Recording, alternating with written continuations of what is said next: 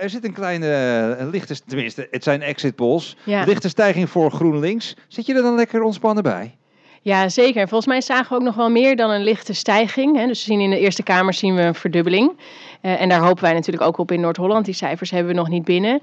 Dus eh, ja, dit is zeker, eh, zeker een relaxte avond. Ook natuurlijk wel eh, nou ja, wat enige spanning. Dat je, ja, je wilt natuurlijk de beste cijfers halen. Ja, ehm, eh, had je, denk je dat je de garen bij spin dat eh, er heel veel over klimaatverandering en eh, dat soort zaken is gesproken de afgelopen weken in het kader van de provinciale statenverkiezingen?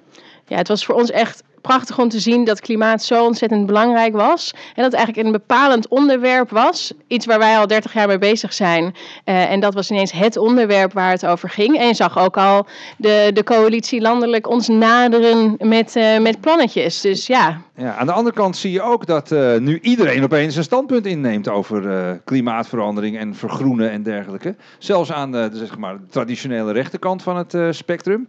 Ze komen ook wel een beetje op je, op je terrein terecht. Hè? Ja, ik zou dat eerder zien alleen maar als winst. Dat wij ons daarvoor hebben ingezet en dat dat nu ook bij andere partijen steeds belangrijker wordt. Dat betekent alleen maar dat we het goed op de agenda hebben gezet. En het is ook zo'n groot probleem.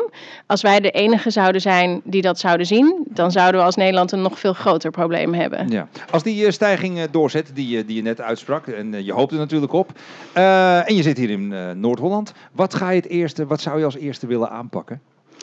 Wij willen heel erg graag gewoon concrete stappen gaan zetten in het tegengaan van die klimaatverandering. En de provincie is daar best belangrijk in. Dus wij gaan over de ruimte.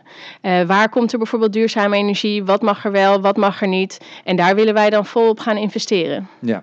Eh, met hoeveel eh, zetels hoop jij straks hier, of aan het einde van de avond ook nog eventjes binnen te lopen, dansend en zingend? Ja, nou ja, die, die cijfers van de Eerste Kamer maakt het natuurlijk wel eh, aanlokkelijk om te zeggen, ach, dat wij hier ook zullen verdubbelen. Ja, dat is de wens. Ik schrijf, ik schrijf het getalletje 8 even op, gewoon even op een papiertje. Ziet Appels van GroenLinks, dankjewel dat je hier was. Tot later.